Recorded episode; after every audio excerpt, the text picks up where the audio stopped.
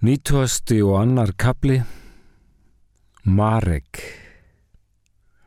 1944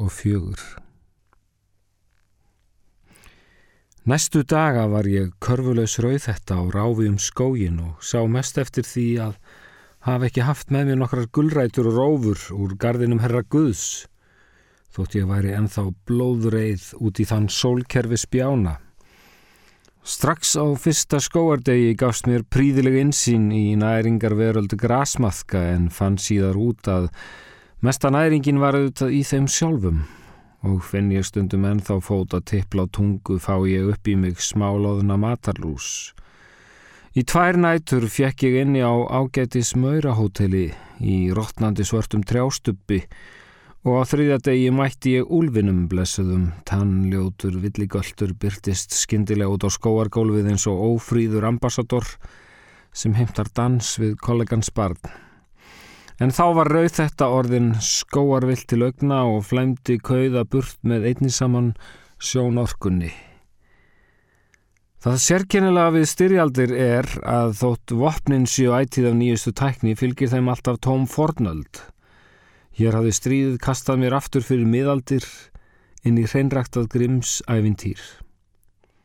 Ég sé það núna hvar ég var á þessum skóarþvælingi, á mínum hinstu megar dögum, með því að rína til skiptis fram yfir rúmstokkin á landslægi sem blasið þar við í lífsins liftur sín og landakortið í Yahoo Maps.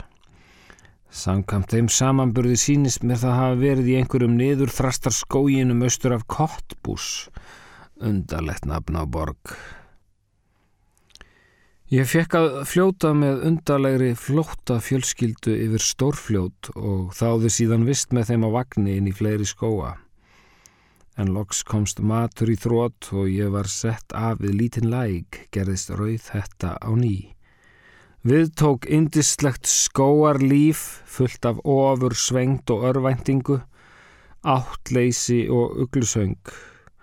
Það var svo loks að ég gler soltinn, gekk fram á dálítinn skóarhóksmannakofa og hafði þá líkast til ratað inn í það sem einhvern tíma hafði verið Póland því hér var töluð pólska.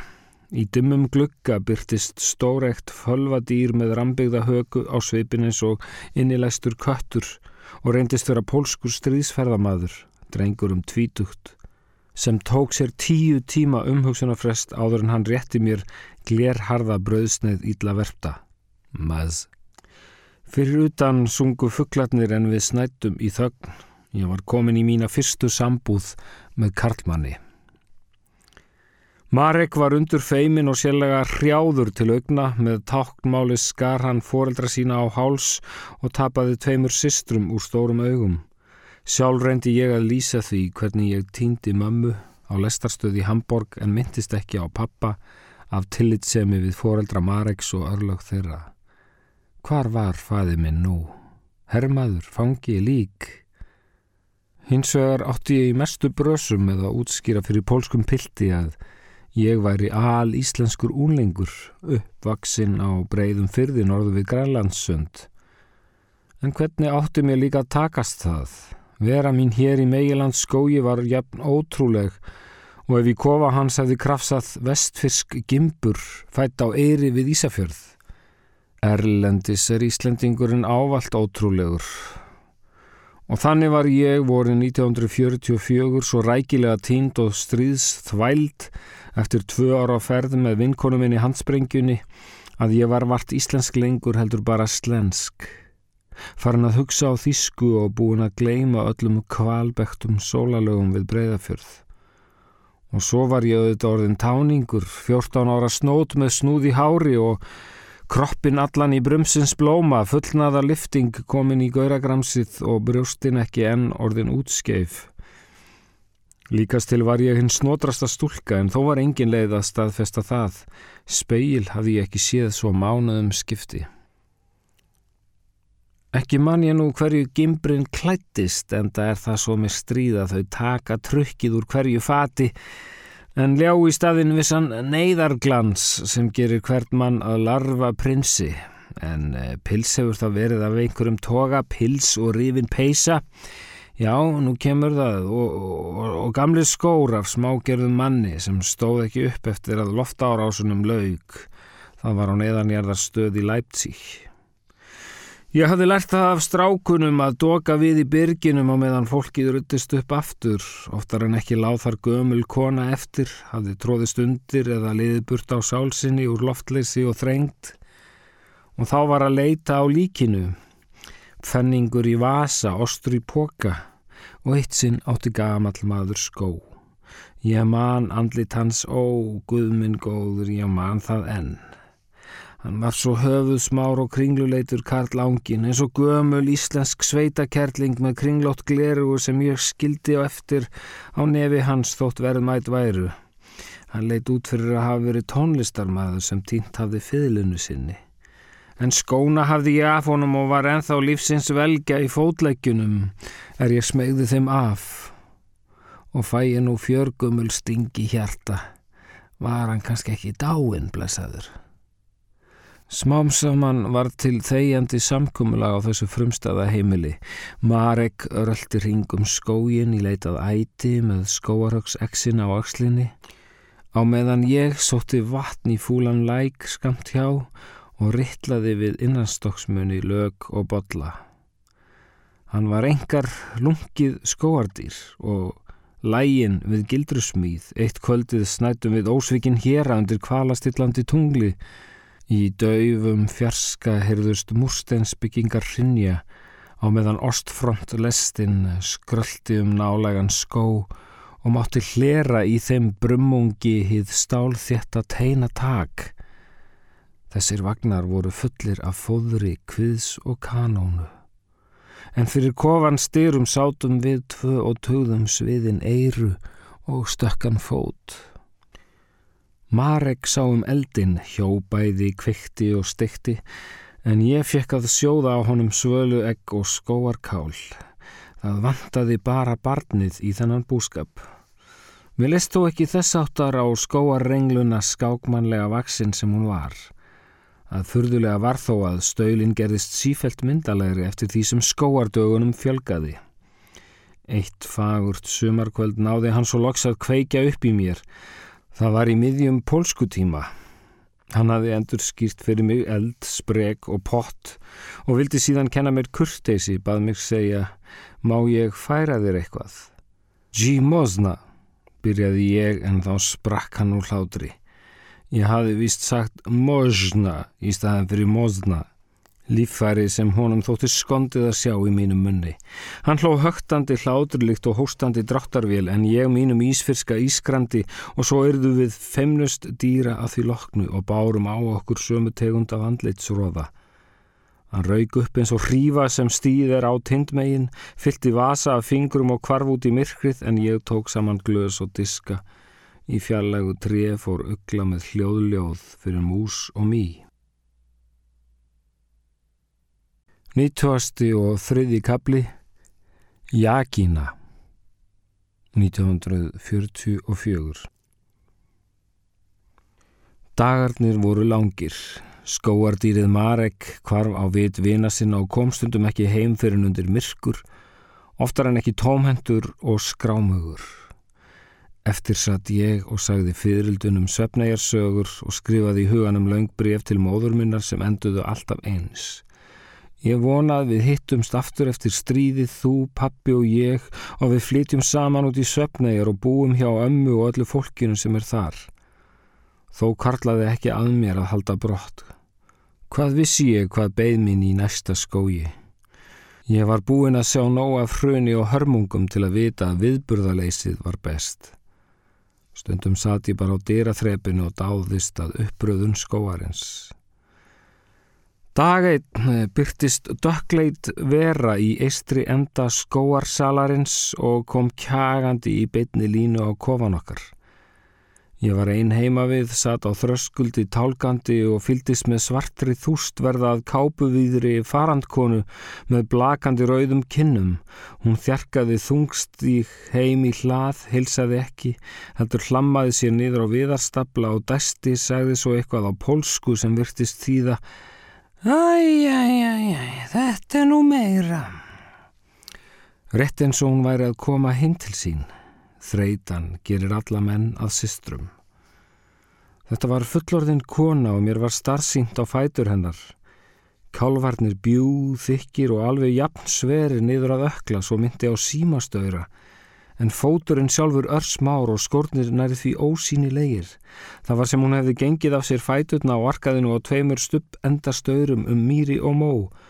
Andlitið var nær hrukkulöst, fjóluraukt á lit með svörtum og þykkum augabrúnum og solgulum tönnum.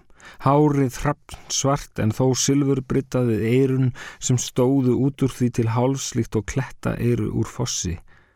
Svipurinn breyður og kinnbeinin há en andlitið líkt og innfallið þeirra á milli. Tennurnar voru fallegar en svona líka ljómandi skakkar í munni. Það var líkt og skaparinn hefði viljað móta fallegt andlit í sinn leir en átt í brösum eða koma upp í það tangarði og að lokum gert það með offorsi. Þrist honum inn með þumlinum en ekki gætt þess að með því átaki flattist með andlitið út og gekk inn í höfuðið. Afleðingin var svo að profíl konunar var alveg flatur, ekki sá í nefið fyrir útstæðum kinnbeinunum. Satt að segja hafði konan austrænt yfirbræð en var þó ekki frá tundrulöndum. Hún sagðist heita Jakina Ekaterina Volonskæja og vera frá Rodsinskæju síslu í Kvítarúslandi. Eins og sönn sveitakona gerði hún ráð fyrir því að ég gjör þekkti það svæði og bæ hennar ástkæran Volonskæju staði sem landsfrægur var fyrir hænur og heigæði en hafði í setni tíð farið illa út úr víglínu flökti. Á einu ári hafði fronturinn ferðast fjórum sinnum um bæjarhlaðið sem þýtti í raun átta yfirferðir hersveita. Hún virtist hafa sagt þessa sögu marg oft því þótt þýskan væri takmarkuð kom hún rætt og skipulega studd svart griffluðu fingramáli. Fyrst komu rússarnir og voru á flótta, sagði hún og talaði um þá líkt og erlenda þjóð. Þeir brendu hlöðuna, svo komu þýskir og voru í sókn, þeir skutu kýrnar og suðu kjötið í hjálmum sínum, síðan þýskir aftur, kaputt og fóru þá á hana armir. Já, það var nú heldur vond. En þeir voru nokkuð ánæður held ég. Þá komu rússarnir aftur gladir og sigrandi, tóku með sér bónda hennar rúmlatan, efgin í að nafni. Hann var ekki með þeir þeir byrstust aftur en þá tóku þeir hænurnar og sögu úr þeim eggin á flottanum en sprengdu þó fyrst upp bæjarhúsin í kveðjuskinni. Svo komu þjóðverjarnir og þá var ekkert eftir nema kálið í gardinum. Stuttur síðar komu þeir aftur en þá hafði sögukona hreyðrað um sín álagum skurði og misti því af þeirri undanrennu þískra, engin nöðgun í það skiptið. Stuttur síðar komu svo rússarnir móturhjólandi og fóru rætt. Eitt þeirra stansaði þó til að pissa í skurðin og Jakina spurði hvenar výglínan kemi aftur á volanskæðu staði. Aldrei, sagði hann ákveðið, hristi sepan og rendi upp. Þá fór Kerlu að leiðast ekkert við að vera hana en kálgressið og ákvaða að leggja af stað. Já, ég er að leið til Ameríku, sagði hún og blés úr báðum nösum. Nánar til tekið til Sivako. Er langt til sjávar hér? E, já, það held ég. Já, ég gerði ráð fyrir því, sagði hún og spurði svo. Er þetta Þískaland? Um leið og hún leiti kringum sig og rýndi í trjábörg. E, ég veit það ekki. Leiðpenningarnir í kofanum er á þýsku en það stendur, það, það er búið að tálka í veggin e, polska. Já, ég skil. Annars er allt þýst í dag. Jörðin okkar var þýsk í halvan mánuð. Ég var nú vonað að það myndi kannski laga sprettuna en ég gætt nú ekki séð að það breyttininu. Eftir að við fórum í setna skiptið þá kom nágrannu minn Fetor og vildi skála og meðan við gætum skála fyrir sjálfstæðu Kvítarúslandi. Hann er draumóra maður, þú veist, einn af þeim með sítt skegg og hjólpunóttur. En sjálfstæði stóð nú ekki lengi. Við rétt náðum svona klára úr staupunum og þá voru þeir komnir aftur rúsarnir. Veistu hvernig stendur fyrir vestan? E, vestan? Nei. Það gerði áhlaupi byrjun jóni, þú frektir að því, ekki? Þeir máttu nú vist hörfa þjóðurarnir. Nú þarf ég bara að tróða mér í gegnum vestfrontin og, og koma mér í skip. Já, en, uh, en hvernig gengur fyrir austan? Hann var heljar hafar í sprengjubúm og læti. En þetta mjakast um hjá þeim rúsunum. Eru rússar að vinna? Káði ég hissa en þó með áhyggjum. Ég átti ekki vona á því að pappi er því í tabliði. Já, þetta mjakast hjá þeim þó hægt fari. Ég tók nú fram úr þeim blessuðum og er þó engi veð að hlöpa hissa. Er stríðið þá að verða búið? Nei, nei, nei, nú er það fyrst að byrja, nú þarf Hitler bráðum að fara að setja upp hjálminn, hefur þú séð hann? Hitler? Nei, eða, eða, jú, ég hef séð handleikin á honum. Handleikin? Já, ég, ég var í munn hér þegar hann kerði gegnum bæin. Herðu, hefur, þú er ekki heyrt um að Vasa minn, Vasa Volonski? Uh, nei. Nú kom laung saga um mann sem síðar var þeitt frægasti liðhlaupi stríðsins, saga sem ég skildi ekki þá en átti eftir að lesa laungu síðar. Vasili Volonski var orustu flugmaður í rústneska flughernum. Í byrjun Barbarossa áhlaups þjóðverja var hann sendur á samt tíu öðrum til gagn árásar og lofti. Vegna vélarhorsta dróst hann aftur úr félögum sínum og fekk fyrir vikið fjarlagð á bardagan, horði upp á nýju vélar skotnar niður á 90 sekundum. Í stað þess að verða tíundi maður í valin, sveigði hann til norðurs, tók stryk til strandar yfir Eistrasalt og til Svíþjóðar sem hann vissi að var hlutlöst land. Þar lendi hann á flugvallar kríli í skóarlundi, krafðist bensínfylli með bissulaupi og helt síðan til lofts á nýj. Flaug sem leið liggur yfir Noreg og út yfir Allandsaf, norður fyrir Ísland og lendi á vesturströnd Grænlands, hvar hann bryndi vel á ný og þáði selbita hjá dönskum frosthjónum. Hóf sig upp á ný og flaug yfir Grænlandsjökul og helming af Kanada lendi á Ísilögðum Hudson-flóa, skildi rúsneska herrflugvel eftir úti á Ísnum og gekk til bæjarins Churchill. Settist þar upp í lest og var komin til Chicago innan tvekja daga, hvarf þar vaskreitur inn í fjöldan. Þess vegna stemdi Jagina einmitt þangað. Liðhlaupin frægi var sonur hennar. Hún dró fram bref hans dagsett 4.3.43 á General Post Office í Chicago og síndi mér. Hafði hún þá verið ár á leiðinni? Nei, ég er nýláð af stað. Ég fóð nú ekki fyrir stríð að ég til húsið mitt og ég var komin í skurðin. Það var svo helvitilegilegt að búa þar alveg og hænulaus. Ég setti upp eld og vatn, vildi gefa henni skóarte en hún dróð þá upp eigið seiði, brauð og skingu, luxusmeti sem ég hafði ekki séð svo mánuðum skipti. Ég sá nú að utan á kápu hennar voru 15 viðbættir vasar fullir af allskins varningi.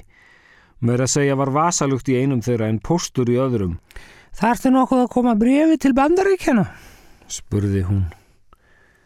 Ha, nei, en allt í hennu fjekki hugmynd. Kanski kemur skipið þitt við á Íslandi? Hún lánaði mér skriffæri og brefsefni.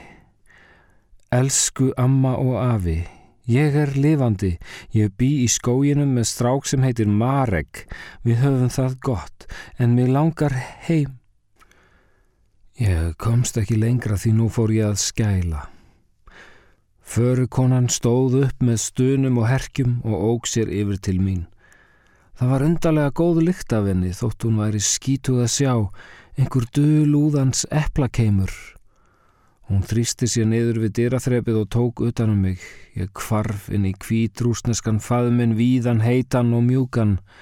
Kápan var opinn, ég fann fyrir heitum brjóstum og úr kjöldu hennar raug upp einhver mjög vinsamleg svitalikt. Tárin fjallu niður í svart kápuefnið en ég tók eftir því að þau hrukku af því, líkt á regn af hrosshúð. En æ, hvað það var gott að kvíla í konu. Marek kom heim fyrir myrkur og heilsaði gestinum af sömu varúð og hann síndi mér fyrsta daginn. Þau áttu í brösum með að skilja hvort annað og hættulóks að reyna. Við sátum þögul saman og horfum í eldin en svo þrjú illa farin þjóðlönd. Ég bauð henni fletið mitt en hún sagðist ekki geta sofið út af liggjandi frá því hún flutti í skurðin væri hún vön að sofa upp við eitthvað ef ég ætti vegg eða skáp. Annars gæti hún allt eins og við utan dyra, hún væri alvön því. Já, já. Í þrjá nættur svaf ég nú á kólapramma og flaut, hrjótandi niður næmu, frá masti til hrodna. Við höfum lendið skotrið, sípsturinn og ég, hann fóð nú illa áturinni blessaður. En ég kunni ekkert að stýra pramma. Ög þessum líkið í stýrsúsinu var orðið illa lyktandi. Ég let nú bara fara vel mummi í stefni og fylgdist með sveitum og kom. Sjaldan hef ég þó sofið jafnvel og í bjarnarhýði skamt frá bjálistokk. Þar dremdi mér nú að ég væri orðin Katrín Mikla og held mér miklar verslur í áum sölum í kreml og víðar umkring fögrum ungum hermunum og let þá rugga mér á hverju kvöldi. Þetta var svo hugulegt að ég ílendist þarna auka nótt. Þótt ég mætti ekkert vera að. Ég er á leið til Ameríku, nána til tekið til Chivago.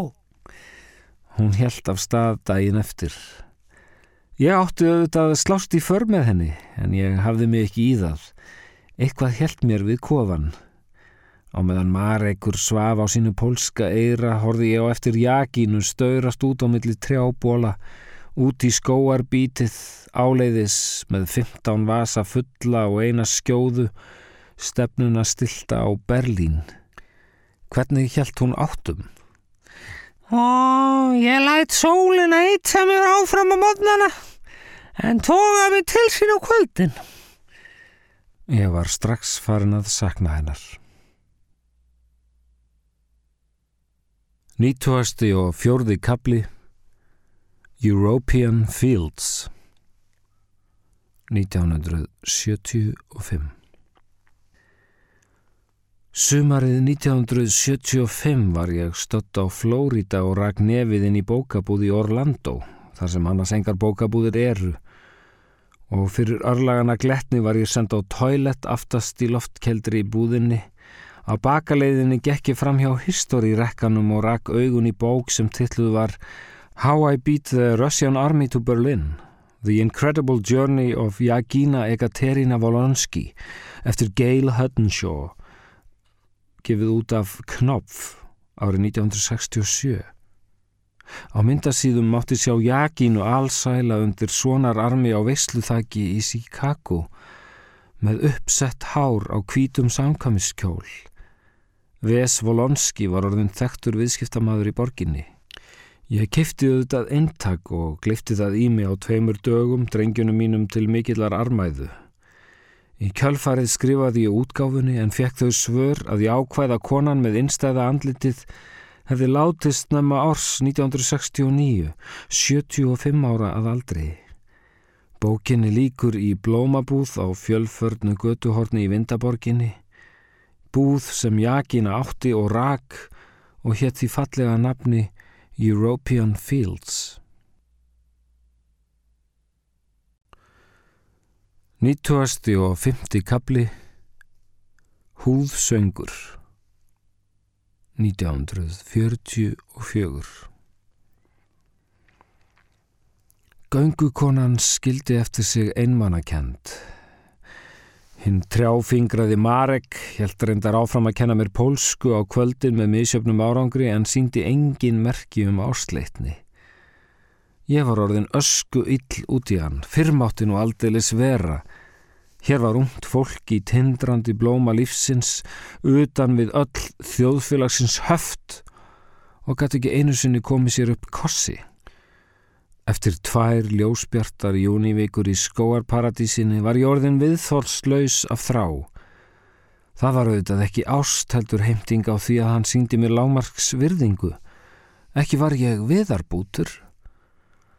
Þá var máleysið ekki til að bæta ástandið Til að geta þagað saman þarf fólk helst að tala sama tungumál. Oft sinnis var ég nálagt því að rjúka upp um hálsin á honum út úr tómum leiðindum svo tungur fengju talað sínu máli en þau mistök gerði ég ekki þá heldur síðar með mentapildi úr Patreks bæ. Að lokum tók ég upp á því að elda pólverjan út í skó. Hjælt mig þó í góðri fjarlagð. Hann fór óvenni langt þennan daginn og satt að segja var í orðin hrættum að týna kofanum. En þá kom hann að smári tjörn í háur jóðri, lagði frá sér exina og hófað afklæðast. Fugglar tjáðu huguminn gagvart þeirri sjón svo bergmálaði um skógin. Ég færði mig nær. Hann snýri í mig baki og var komin úr öllunum að nærbrókum sem lágu brátt á laufiskrítum tjarnarbakka. Viðbröð mín við þessari óvæntu sjón voru undarleg. Allt í húnu var ég helgripin þeirri fullvissu að ég myndi deyja áður en sumarið næði fullri hæð og vildi absolutt fá að bragða á Adams eppli áður en öllu leiki. Full af dauðans áræðinni gekki fram og kallaði Marek! Hann leit við og tók þegar um tól sín en stundar fröys að öðru leiti. Ég gekk til hans, lá í mínu lofti, en kynna mjúk og kviðviss, hvað sem það nú merkir. Marek! Ég tipplaði til hans á klöppum eins og það skóar dýr sem hinn dýrin hafðu aldrei áður séð og alveg heim til hans, móð. Marek! Hann var einn taug með undrandi augu þar sem hann stóð þarna nakin með hendur í klofi eins og táningurinn eftir munk. Ég snerti auksl hans. Það var heitt í veðri og því engin kuldaspenna í kroppnum hans en samt fór neðrivörun að titra. Ég strauk honum blítum brjóst og brosti svo upp til hans, hann var höfðinu hærri. Hann reyndi að brosa tilbaka, ég fann það en kom því ekki út í kjötið húðina varirnar.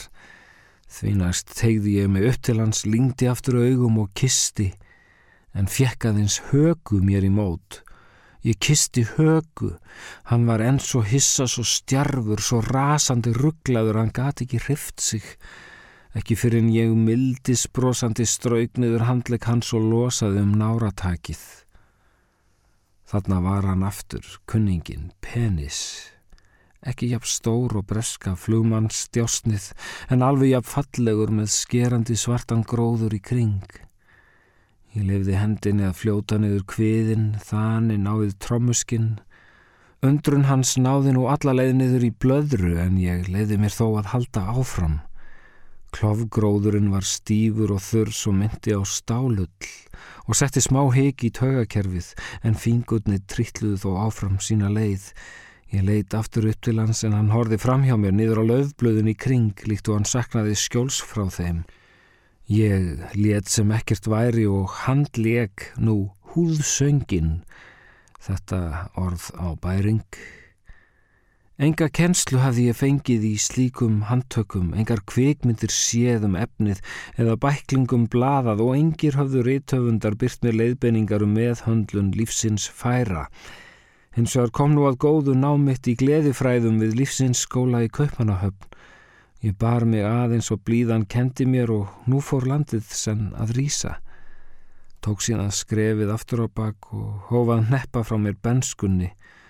Hann stóð aktofa og fyldist með en var samt eins og frægast í elskuji heims sem býður þess rólegur að ástmegi nr. 4013 gerir sig klára.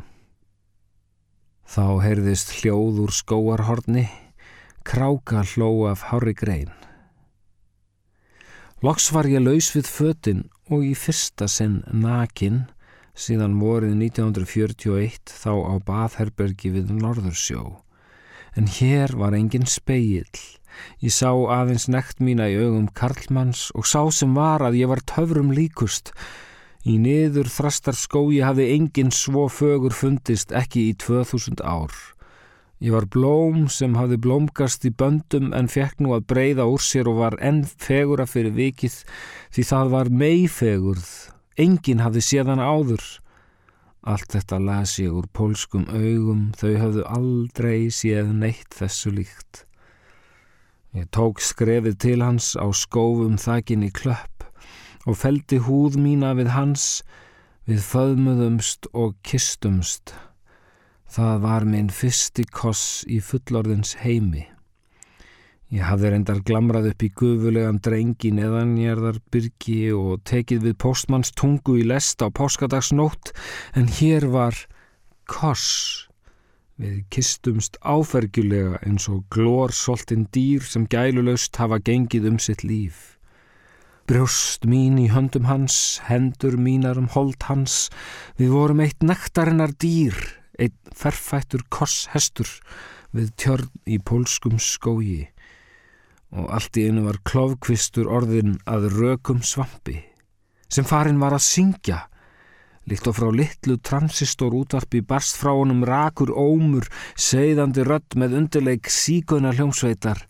Ég leiti Pólverens hönd á réttan stað og söngurinn dempaðist um leið líkt og þegar tekið er fyrir talanda en kom út um munnin á mér í þessi stað. Ég hófað stinja í takti tónlistina sem tók nú reyndar að riðilast í rótina. Þótt fingur hans væri pólskir voru þeir engir Chopin þóvar og leku nokkuð gróflegt nútíma tónverk sem fór með laglínuna út og söður en var þó stórlega áhugavert. Lífið sæti hæ. Ég leiti hann ofan í svala tjörnina við breytumst í lítil börn sem leku sér í lignu vatni með busli og skvettum en í miðjum blöytaslagnum rakan augun í það sem hæki hafði teiknað á handlegminn Allt í hennu sökk hlátur hans til bots og brosið kvarf. Ég reyndi að útskýra málið en hann hraðaði sér upp úr og í fötinn. Gekk síðan heim og gætti þess að vera ætið tíu metrum og undan mér. Ég hljóp gekk á eftir honum, lafmóð og löður sveitt.